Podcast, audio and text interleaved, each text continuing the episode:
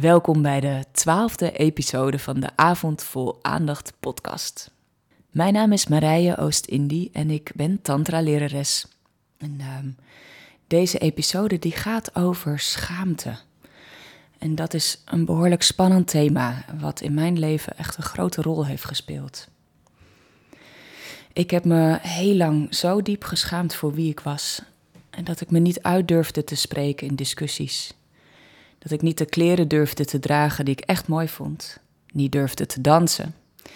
Niet het werk durfde te doen dat ik graag zou doen. En niet mijn verlangens durfde te voelen of mijn grenzen aan durfde te geven in seksualiteit. Ik heb mezelf zelfs een hele tijd lang de Queen of Shame genoemd. En ik nam het toen nog als een soort status quo, want ik had er nooit over nagedacht dat het mogelijk zou zijn om er iets over te leren en erin te helen. En toen kwam Tantra op mijn pad.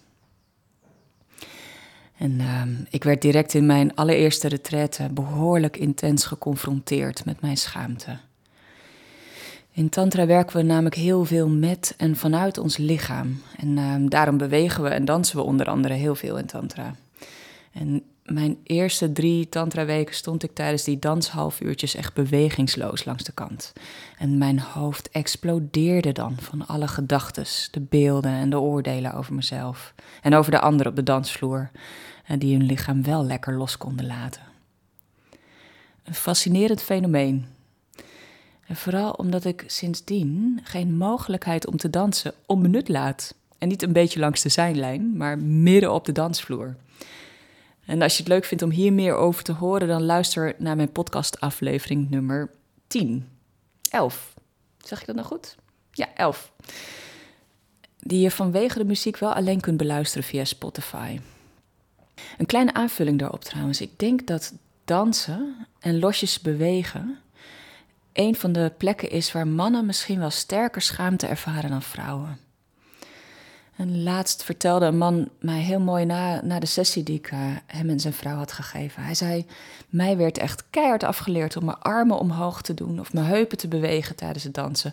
Want dan was je onmiddellijk een homo. En ik dacht: Vrek, dat is waar. En je ziet mannen altijd een beetje zoeken op de dansvloer naar die beperkte beweging die ze nog wel mogen maken. Als vrouw hebben we hier gelukkig net wat meer bewegingsvrijheid, letterlijk. Ik denk ook, net zoals in het tonen van onze emoties, we mogen net wat grotere uitslag hebben. Alright, terug naar dit verhaal over schaamte. In Tantra houden we ons bezig met het vrijer laten stromen van onze vitale energie. Of onze levensenergie of onze seksuele energie. Dat zijn allemaal woorden voor hetzelfde ding. En we noemen schaamte ook wel eens de grote antiseksuele of antivitale kracht. En dat is omdat schaamte onze vrije stroom, onze energie en onze seksualiteit blokkeert.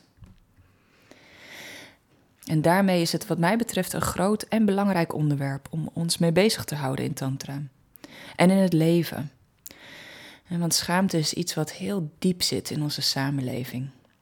Ik ben zeker niet de enige wiens leven werd beheerst door schaamte. Daar kom ik zo langzamerhand wel achter.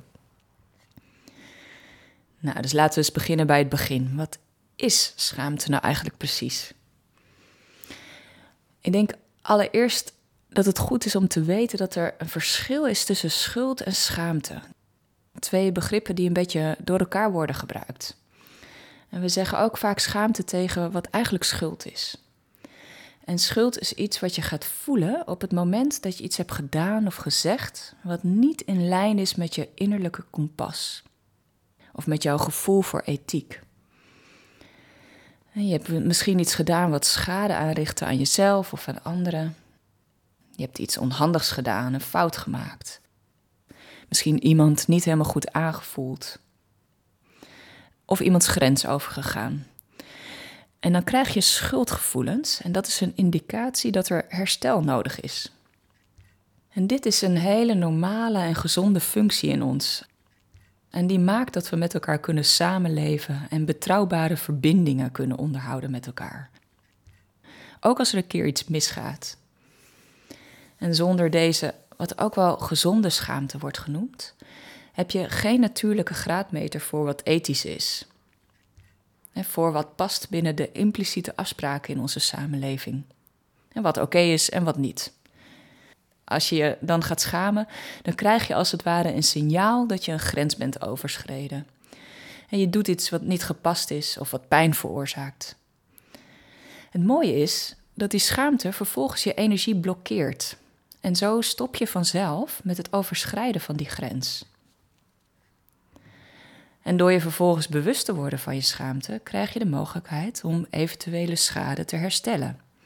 bijvoorbeeld door sorry te zeggen of een bloemetje te kopen. En zo kan je relatie blijven bestaan of misschien zelfs groeien. Mensen die geen gezonde schaamte ervaren wanneer ze iets schadelijks hebben gedaan, die noemen we in het extreme geval psychopaten. En ons vermogen om ons te schamen dus komt dus voort uit onze diepe angst om alleen te zijn. Het is een overlevingsstrategie. En want als we alleen zijn, dan overleven we het niet. En mensen zijn echt groepsdieren. En we hebben de groep nodig om te kunnen leven. Nogmaals, schaamte is dus echt een normale en gezonde functie in ons. Er is ook helemaal niks mis met schaamte aan zich. Maar, en, verreweg de meeste schaamte die we ervaren is ongezond. Het is schadelijk voor onszelf en voor onze kwaliteit van leven. En dit is de schaamte die niet zozeer gaat over wat je doet of wat je hebt gedaan, maar over wie je bent. En deze schaamte die houdt je klein. Ze beperkt je levendigheid, je nieuwsgierigheid, je openheid, je zin om uit te reiken naar anderen, ook op het moment dat je helemaal niks verkeerd hebt gedaan. En deze schaamte komt juist precies op het moment dat je als het ware eenvoudig jezelf bent. Nou, hoe herken je dat? Nou, je kent het vast wel. Dat je soms dingen gaat denken als: Oh, ik ben een slecht mens. Of ik verdien dit niet. Dit is mijn fout. Als je eigenlijk van de aarde zou willen verdwijnen. Of als al je energie plotseling wegstroomt, weg is. En je wangen worden rood en je krijgt een eh, hete kop. En dat zijn indicaties dat er misschien schaamte gaande is. Schaamte is altijd relationeel. Het ontstaat in het contact met andere mensen. En we kijken naar onszelf alsof we door de ogen van een ander kijken. En gezien worden is dan ook een belangrijk onderdeel in schaamte. En ik ga je iets vertellen hoe het komt dat we onszelf zo zijn gaan schamen. En laten we beginnen bij het begin. Want ieder kind heeft het nodig om gezien te worden door de omgeving. En natuurlijk vooral door zijn of haar ouders. En we noemen dit spiegelen. En dat is iets wat gezonde ouders helemaal vanzelf zullen doen. En bijvoorbeeld, ehm, als, je, als je ouders je zouden spiegelen, zeggen ze bijvoorbeeld tegen je: hey, ik zie dat je boos bent op het moment dat je boos bent. of ze zeggen tegen je: Je bent wat onrustig. Vind je het spannend om bij opa en oma te gaan logeren? En doordat je ouders benoemen wat jij ervaart, leer je jezelf kennen als kind. En want je emoties en je gevoelens zeggen zo ongelooflijk veel over wie jij ten diepste bent. Over wat er belangrijk voor je is en wat spannend voor je is. Waar je van aangaat wat correct is voor jou om te doen en wat niet. En door je gevoelens te benoemen, helpen je ouders je om al die verschillende emoties van elkaar te onderscheiden. Ze helpen je ook te zien dat je wel emoties hebt, maar ze niet bent. Ze veranderen namelijk voortdurend. En als ze er gewoon mogen zijn, blijven ze eigenlijk nooit hetzelfde. Ze veranderen al door in het volgende en het volgende. Maar jij, degene die dit allemaal ervaart, die blijft. Nou heeft ieder kind het ook nodig om veilige begrenzing te ontvangen. En om veilig ontmoet te worden in zijn of haar eigen grenzen. En als je ouders je gezond begrenzen, dan zeggen ze bijvoorbeeld tegen je: Wow, jij bent echt heel enthousiast, hè? Ik kan je alleen wel heel goed horen. Zou je iets zachter willen praten? Het is een beetje te hard voor me op dit moment. En het klinkt heel anders dan hou op met dat geschreeuw altijd. Of schreeuw lelijk. Als je net als 99% van de mensen in onze maatschappij bang bent voor je eigen woede, dan zal je ook bang zijn voor de woede van anderen, inclusief die van je kind. En wat je dan zal gaan proberen te doen, is die woede onderdrukken. En misschien hebben jouw ouders bijvoorbeeld wel tegen je gezegd: naar je kamer en kom maar weer terug als je normaal kan doen. En dreigen met isolatie, dat is een hardnekkig pressiemiddel. En wat veel ouders helaas nog steeds gebruiken, want het werkt zo goed. En niets is namelijk belangrijker voor een kind dan het contact met de ouders. Ze zijn daar letterlijk van afhankelijk voor hun leven. En de dreiging dat je misschien wel alleen wordt gelaten, dat doet ieder kind inbinden. En als je inbindt, betekent dat dat je een deel van jezelf zult moeten wegdrukken. En zelfs het stuk neutralere, je schreeuwt te hard, is niet behulpzaam. Want wat precies te hard is voor mij, dat verschilt van moment tot moment. En want vandaag heb ik misschien hoofdpijn en kan ik niks hebben. Maar morgen heb ik weer energie. Vind ik het leuk samen een beetje lawaai maken. Er bestaat niet één norm voor wanneer schreeuwen te hard is en wanneer niet. En toch doen volwassenen vaak naar kinderen alsof dat wel zo is. En als er een norm is waar je kennelijk niet aan voldoet, dan ben je kennelijk fout. Niet alleen woede vinden we trouwens lastig en fout. We hebben in onze jeugd beperkende boodschappen ervaren over vrijwel iedere vorm die van nature helemaal vanzelf door ons heen stroomde. Hoe vaak heb je wel niet gehoord: doe niet zo raar? Of dat is toch nergens voor nodig? Of ben je hier niet een beetje te oud voor? Als je je gaat schamen op het moment dat je verdrietig wordt of alarm, alarm moet huilen, luister dan maar eens naar de derde episode van deze podcast. Want veel ouders hadden nou eenmaal geen idee hoe ze hun eigen verdriet konden toelaten. Veel te bang om te verzuipen in hun tranen. En als gevolg daarvan hebben ze ook geprobeerd om jouw verdriet te onderdrukken of een beetje weg te maken. En als je zo stom bent geweest om ooit een keer te huilen in de brugklas, nou, dan heb je waarschijnlijk zelf ervaren hoe dik die imprint niet huilen is geworden. Als je meer wil weten over hoe je jouw eigen kinderen gezond spiegelt en begrenst, dan nodig ik je van harte uit om episodes 5 tot en met 7 te beluisteren.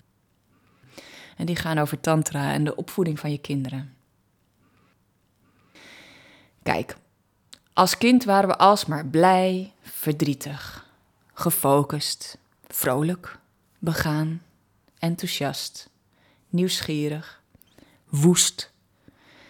Dit is wie we zijn van nature. En we waren het niet een beetje. Alles wat we meemaakten was 100% totaal super intens.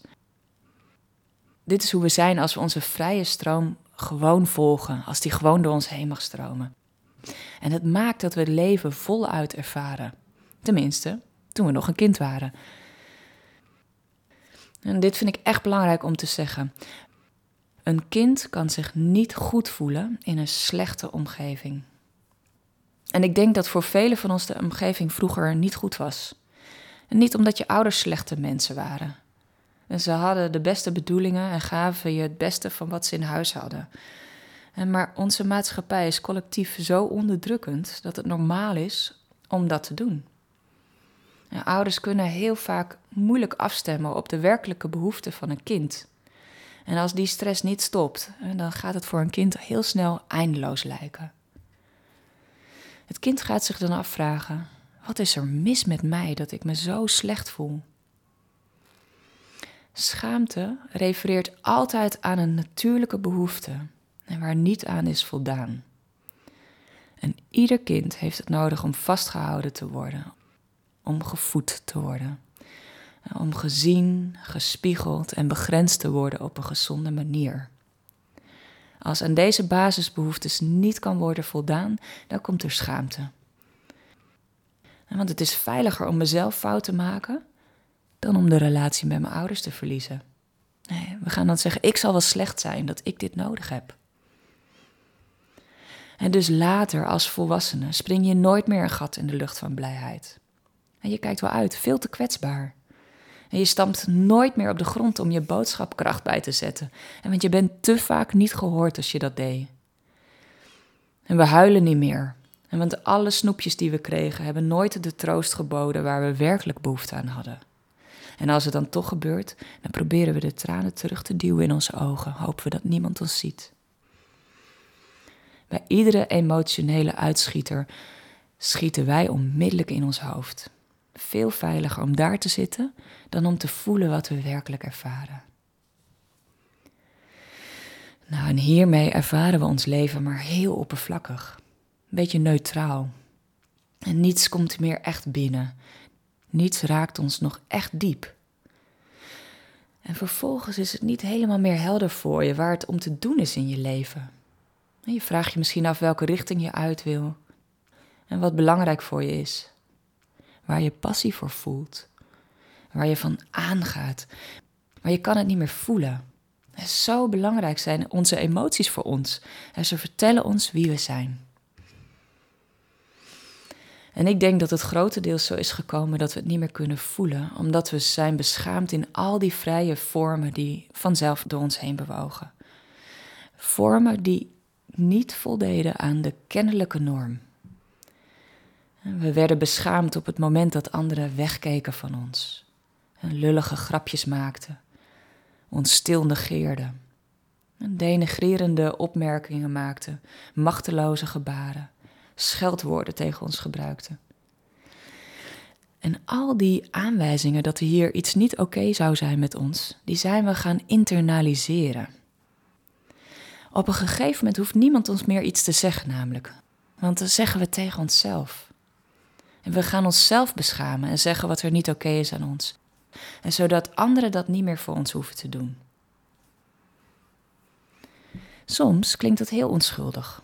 En zo noemt een moeder die ik ken haar tweejarige regelmatig sukkeltje. Omdat ze nou eenmaal soms struikelt of ergens tegenaan loopt.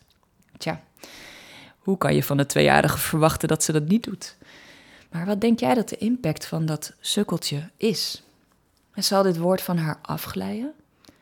En zal ze het toch niet onthouden, zoals opvoedexperts heel lang geloofden?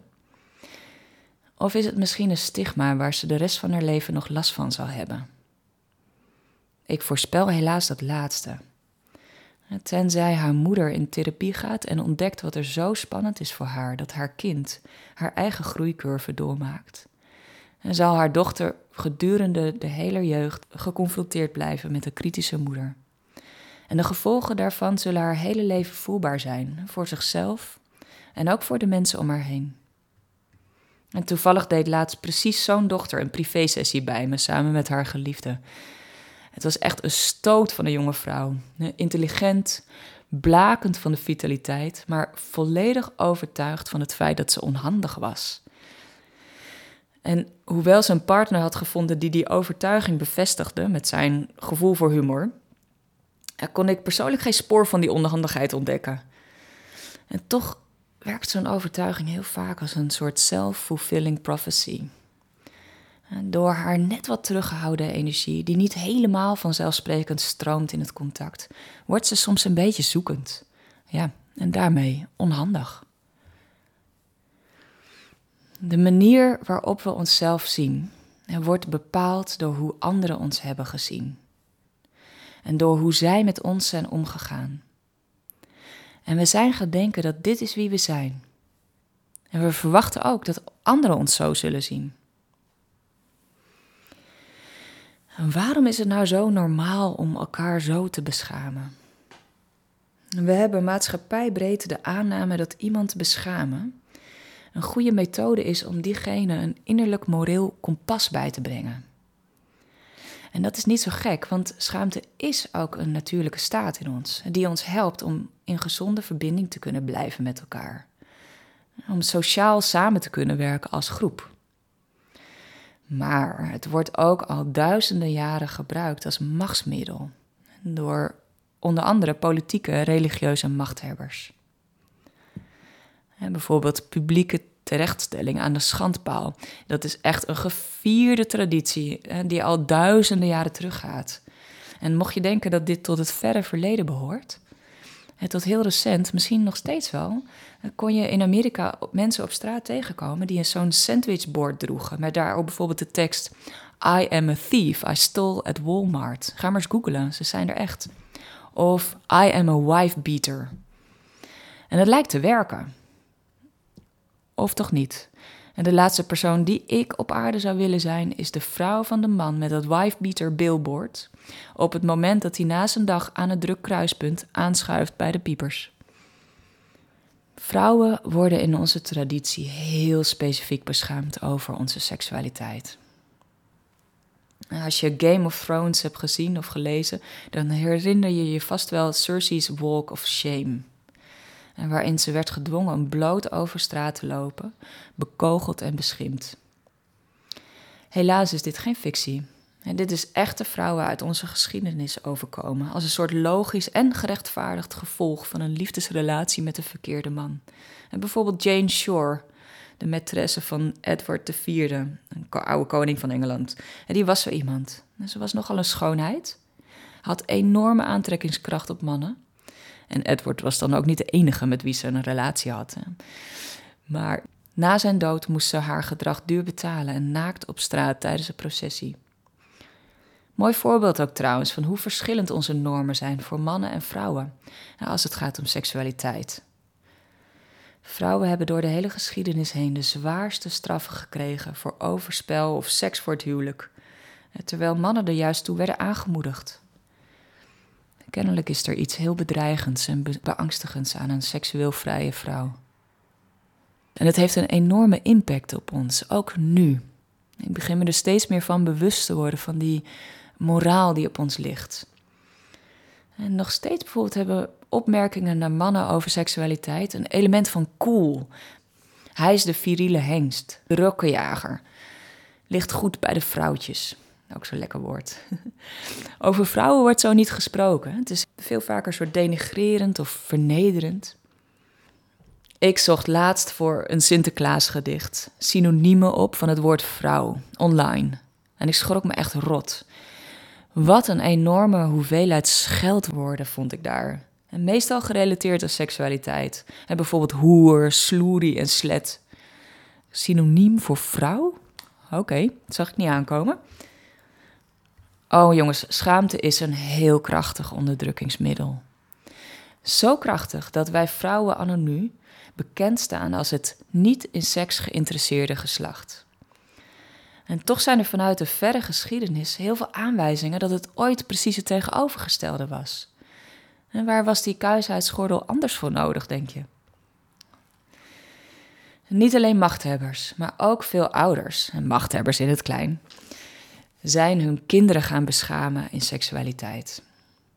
In een poging om ze op te voeden tot sociale volwassenen en die een gerespecteerde plek in onze maatschappij kunnen krijgen.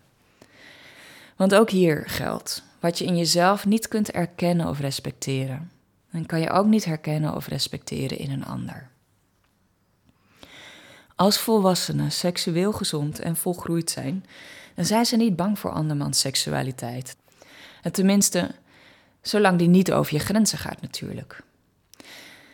Dan kan je als man bijvoorbeeld genieten van het homoclubje op de dansvloer zonder je bedreigd te gaan voelen.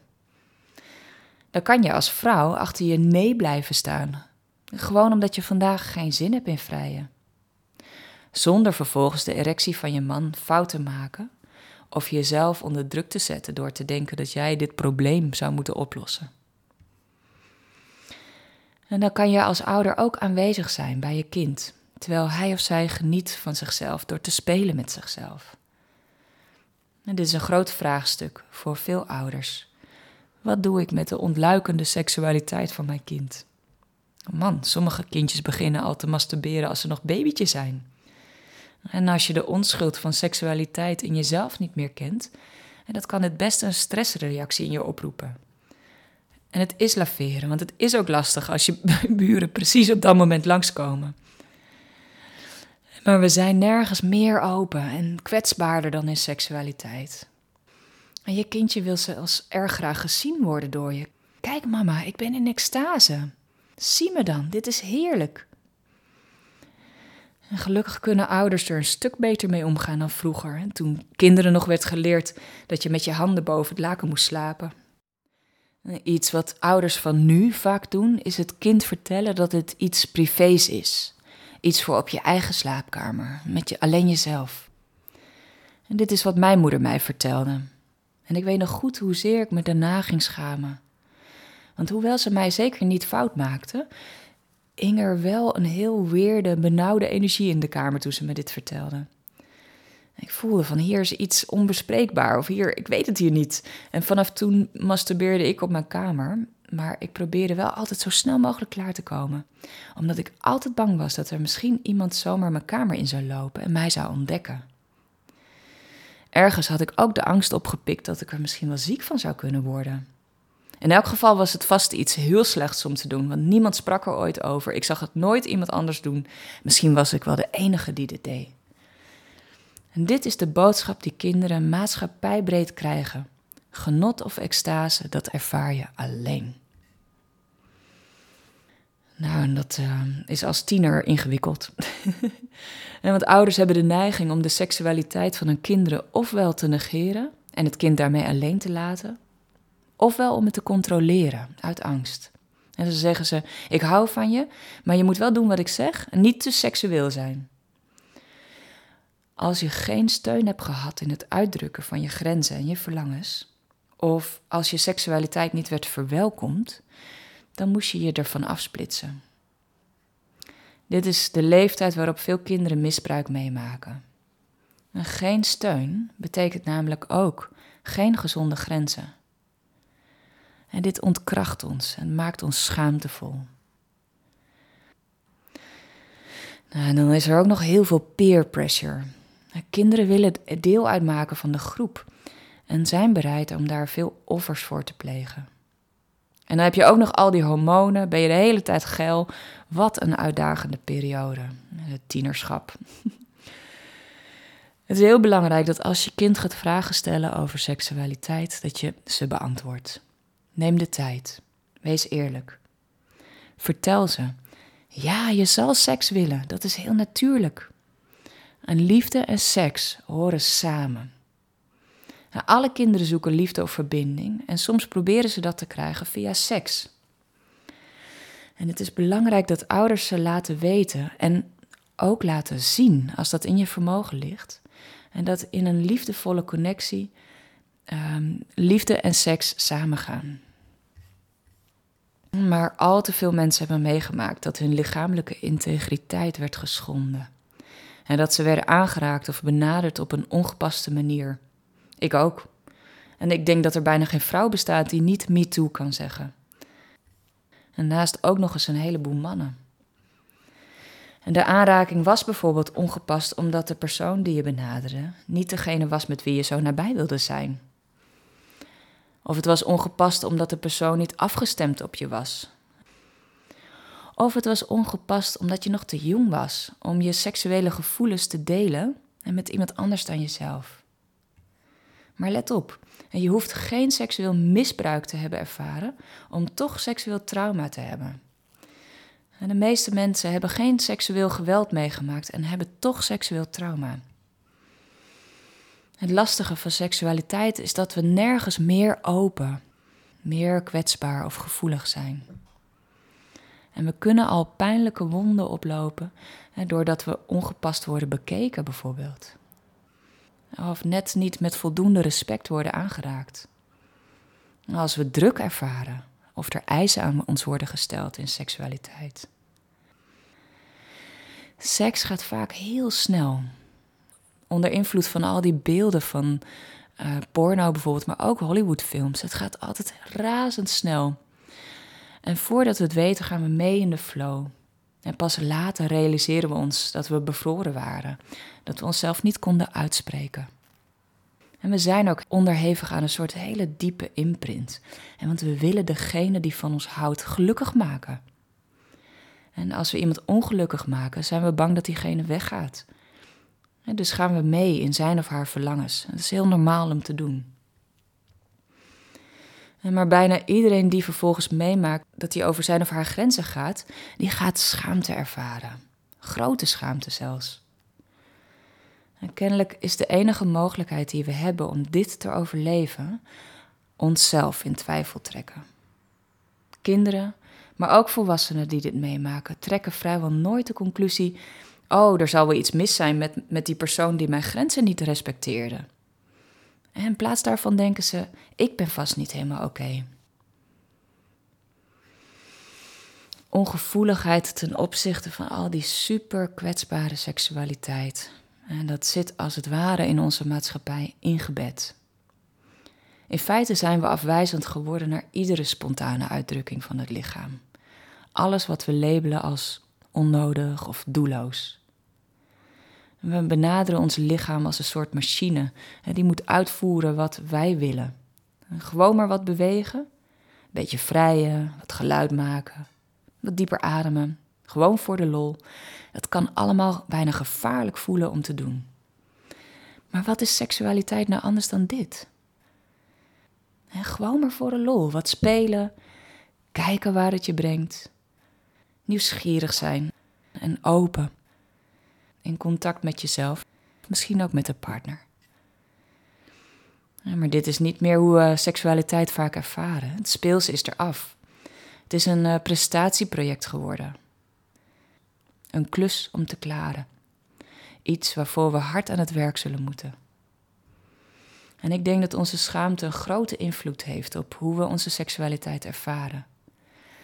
En want dat is precies de plek waar we zo verlangen naar vrijheid. En waar we ons mee willen laten nemen door iets wat groter is dan wij en wat door ons heen stroomt. Waar we onze bekende, vaste vorm wat willen laten smelten en onszelf opnieuw ontmoeten. En precies hier, hier gaan we snoeihard op slot. En worden we bewegingsloos, stoppen we met ademen, bewegen, spelen en stromen. We leven in een cultuur die seks beschaamt, het negeert en tegelijkertijd seks benadrukt. Het beschaamt ons aan de ene kant en het legt ons aan de andere kant een grote druk op om seksueel te zijn. Wat een dubbele boodschap. En die blokkeert ons. En dan is er ook nog eens veel misbruik. We zijn niet voor niks zo verward over seks. Het effect van dit alles voor mij was dat het wel 35 jaar duurde voordat ik weer in staat was om een orgasme te ervaren zoals ik me nog kon herinneren van toen ik twee was. Een orgasme waarin het universum zich aan me openbaarde. En waarin alles even ophield te bestaan en ik alleen nog maar was eigenlijk. En met grote dank aan mijn grote liefde Jeroen, die mij eindeloos bleef uitnodigen om toch tevoorschijn te komen. Met mijn grenzen en met mijn verlangens en me respecteerde en me hoorde, telkens opnieuw wanneer ik dat deed en wanneer ik dat durfde. Tot die tijd durfde ik niet mijn grenzen te voelen, laat staan ze aan te geven. En ik had geen idee wat mijn verlangens waren. Als een partner me vroeg: waar heb je zin in? Wat vind jij lekker? Dan stond ik onmiddellijk met mijn mond vol tanden. Zo ver was ik teruggetrokken uit mijn seksualiteit en uit mijn lichaam. Geen idee. Oh, en als ik het al wist, dan hield ik het voor mezelf. Veel te spannend om te zeggen. Vind je het dus gek dat ik op een gegeven moment geen zin meer had in seks? En heel veel vrouwen die ik spreek, die verlangen hevig naar dat ze weer seksuele verlangens hebben. verlangen naar het verlangen. Oké, nou, wat is dan de weg terug? Allereerst denk ik dat het belangrijk is dat we onze schaamte niet fout maken. Het is gewoon iets dat in ons opkomt zodra we gaan relateren met anderen. En zeker met een geliefde. Als de ander dichtbij komt en ons gaat zien voor wie we werkelijk zijn, dan wordt schaamte onmiddellijk getriggerd. Dat is normaal. Het is wel een goed idee om niet direct te handelen op schaamte. Want soms als het in ons opkomt is het zo pijnlijk dat we de ander direct weg willen drukken uit ons leven. En het is fijn als het lukt om dat niet te doen. Om te kunnen helen hebben we een gezond gevoel van zelfbeschikking nodig. En we hebben er echt recht op om vrij, om groots en stralend te zijn. Ook als we het soms niet weten of ons onhandig voelen. En we zijn het waard om genot te ervaren. Dit is het beginpunt van echte intimiteit. Wat we vaak hebben geleerd is het tegenovergestelde. En we moeten de ander plezieren. En vooral vrouwen denken soms dat we hier zijn voor het seksuele genot van mannen. Wat een vette erfenis krijgen we hier in de schoot geworpen. En gelukkig kunnen we die ook helen, die erfenis. En ik denk dat het daarin belangrijk is om regelmatig de tijd te nemen om het wat langzamer aan te doen. Zodat we veel beter kunnen voelen wat we nou precies ervaren van moment tot moment. En zeker in seksualiteit. In al onze snelheid en doelgerichtheid rushen we zo aan alle dieperliggende gevoelens voorbij. Zowel de lastige, zoals schaamte, als de heerlijke, zoals genot. En dit is een van de dingen waar ik veel aandacht aan besteed in avond vol aandacht privé-sessies. Om te kijken hoe je wat rustiger aan kan doen. Hoe je in contact kunt blijven met je eigen lichaam. Ook terwijl je met je partner bent. Langzaam gaan betekent ook kwetsbaar zijn. Want dan is er ineens zoveel te voelen. Voor mijzelf was het lange tijd noodzakelijk om hierin begeleid te worden. En dat kan ook in allerlei oefeningen die helemaal niet op seksualiteit lijken, ook in Tantra. Voor een gezonde intimiteit hebben we het nodig dat we eigenaarschap krijgen over ons recht op genot. Om dat te kunnen krijgen, zullen we onze schaamte moeten gaan begrijpen. Want er is nog een ding wat je moet weten over schaamte. Het gedijt in het duister. Het houdt je bewegingsloos, stil en alleen. En daar groeit het. Schaamte haat contact. Het haat woorden. Want zodra het aan het licht komt, verliest het haar kracht. Het verliest ook haar kracht als het wordt geconfronteerd met empathie. Daarom werkt het zo goed om onze schaamte niet meer weg te stoppen en ons als het ware te gaan schamen voor onze schaamte, maar om er juist over te gaan praten. Om er nieuwsgierig naar te worden en te gaan onderzoeken wat jouw goede reden is om jezelf te beschamen. Dit is een van de dingen die we doen tijdens de Dakini-dagen, mijn bijeenkomsten voor vrije vrouwen. Schaamte is een onderwerp dat daarin regelmatig voorbij zal komen, omdat speciaal vrouwen zo gebukt gaan onder de gevolgen daarvan. En dat is niet makkelijk. Neurowetenschappers ontdekten onlangs dat schaamte net zo intens wordt ervaren als fysieke pijn. Maar als we onze schaamte mogen onderzoeken en vervolgens ervaren dat we er niet alleen mee zijn, en dat anderen ons herkennen en ons ontvangen, ons respecteren en begrijpen. En dan kunnen we de intelligentie achter onze schaamte leren kennen. En we kunnen haar leren zien voor wat ze is: een overlevingsstrategie van een kind. En dat veel van haar functie heeft verloren nu je niet zomaar meer alleen gelaten kunt worden. En nu je zelf kunt kiezen hoe en met wie je jouw leven wilt delen. En hiermee verliest schaamte beetje bij beetje haar ijzeren, benauwde grip op je leven. En krijg jij de ruimte om tevoorschijn te komen. Als het grootste, sensuele, magische wezen dat je in werkelijkheid bent.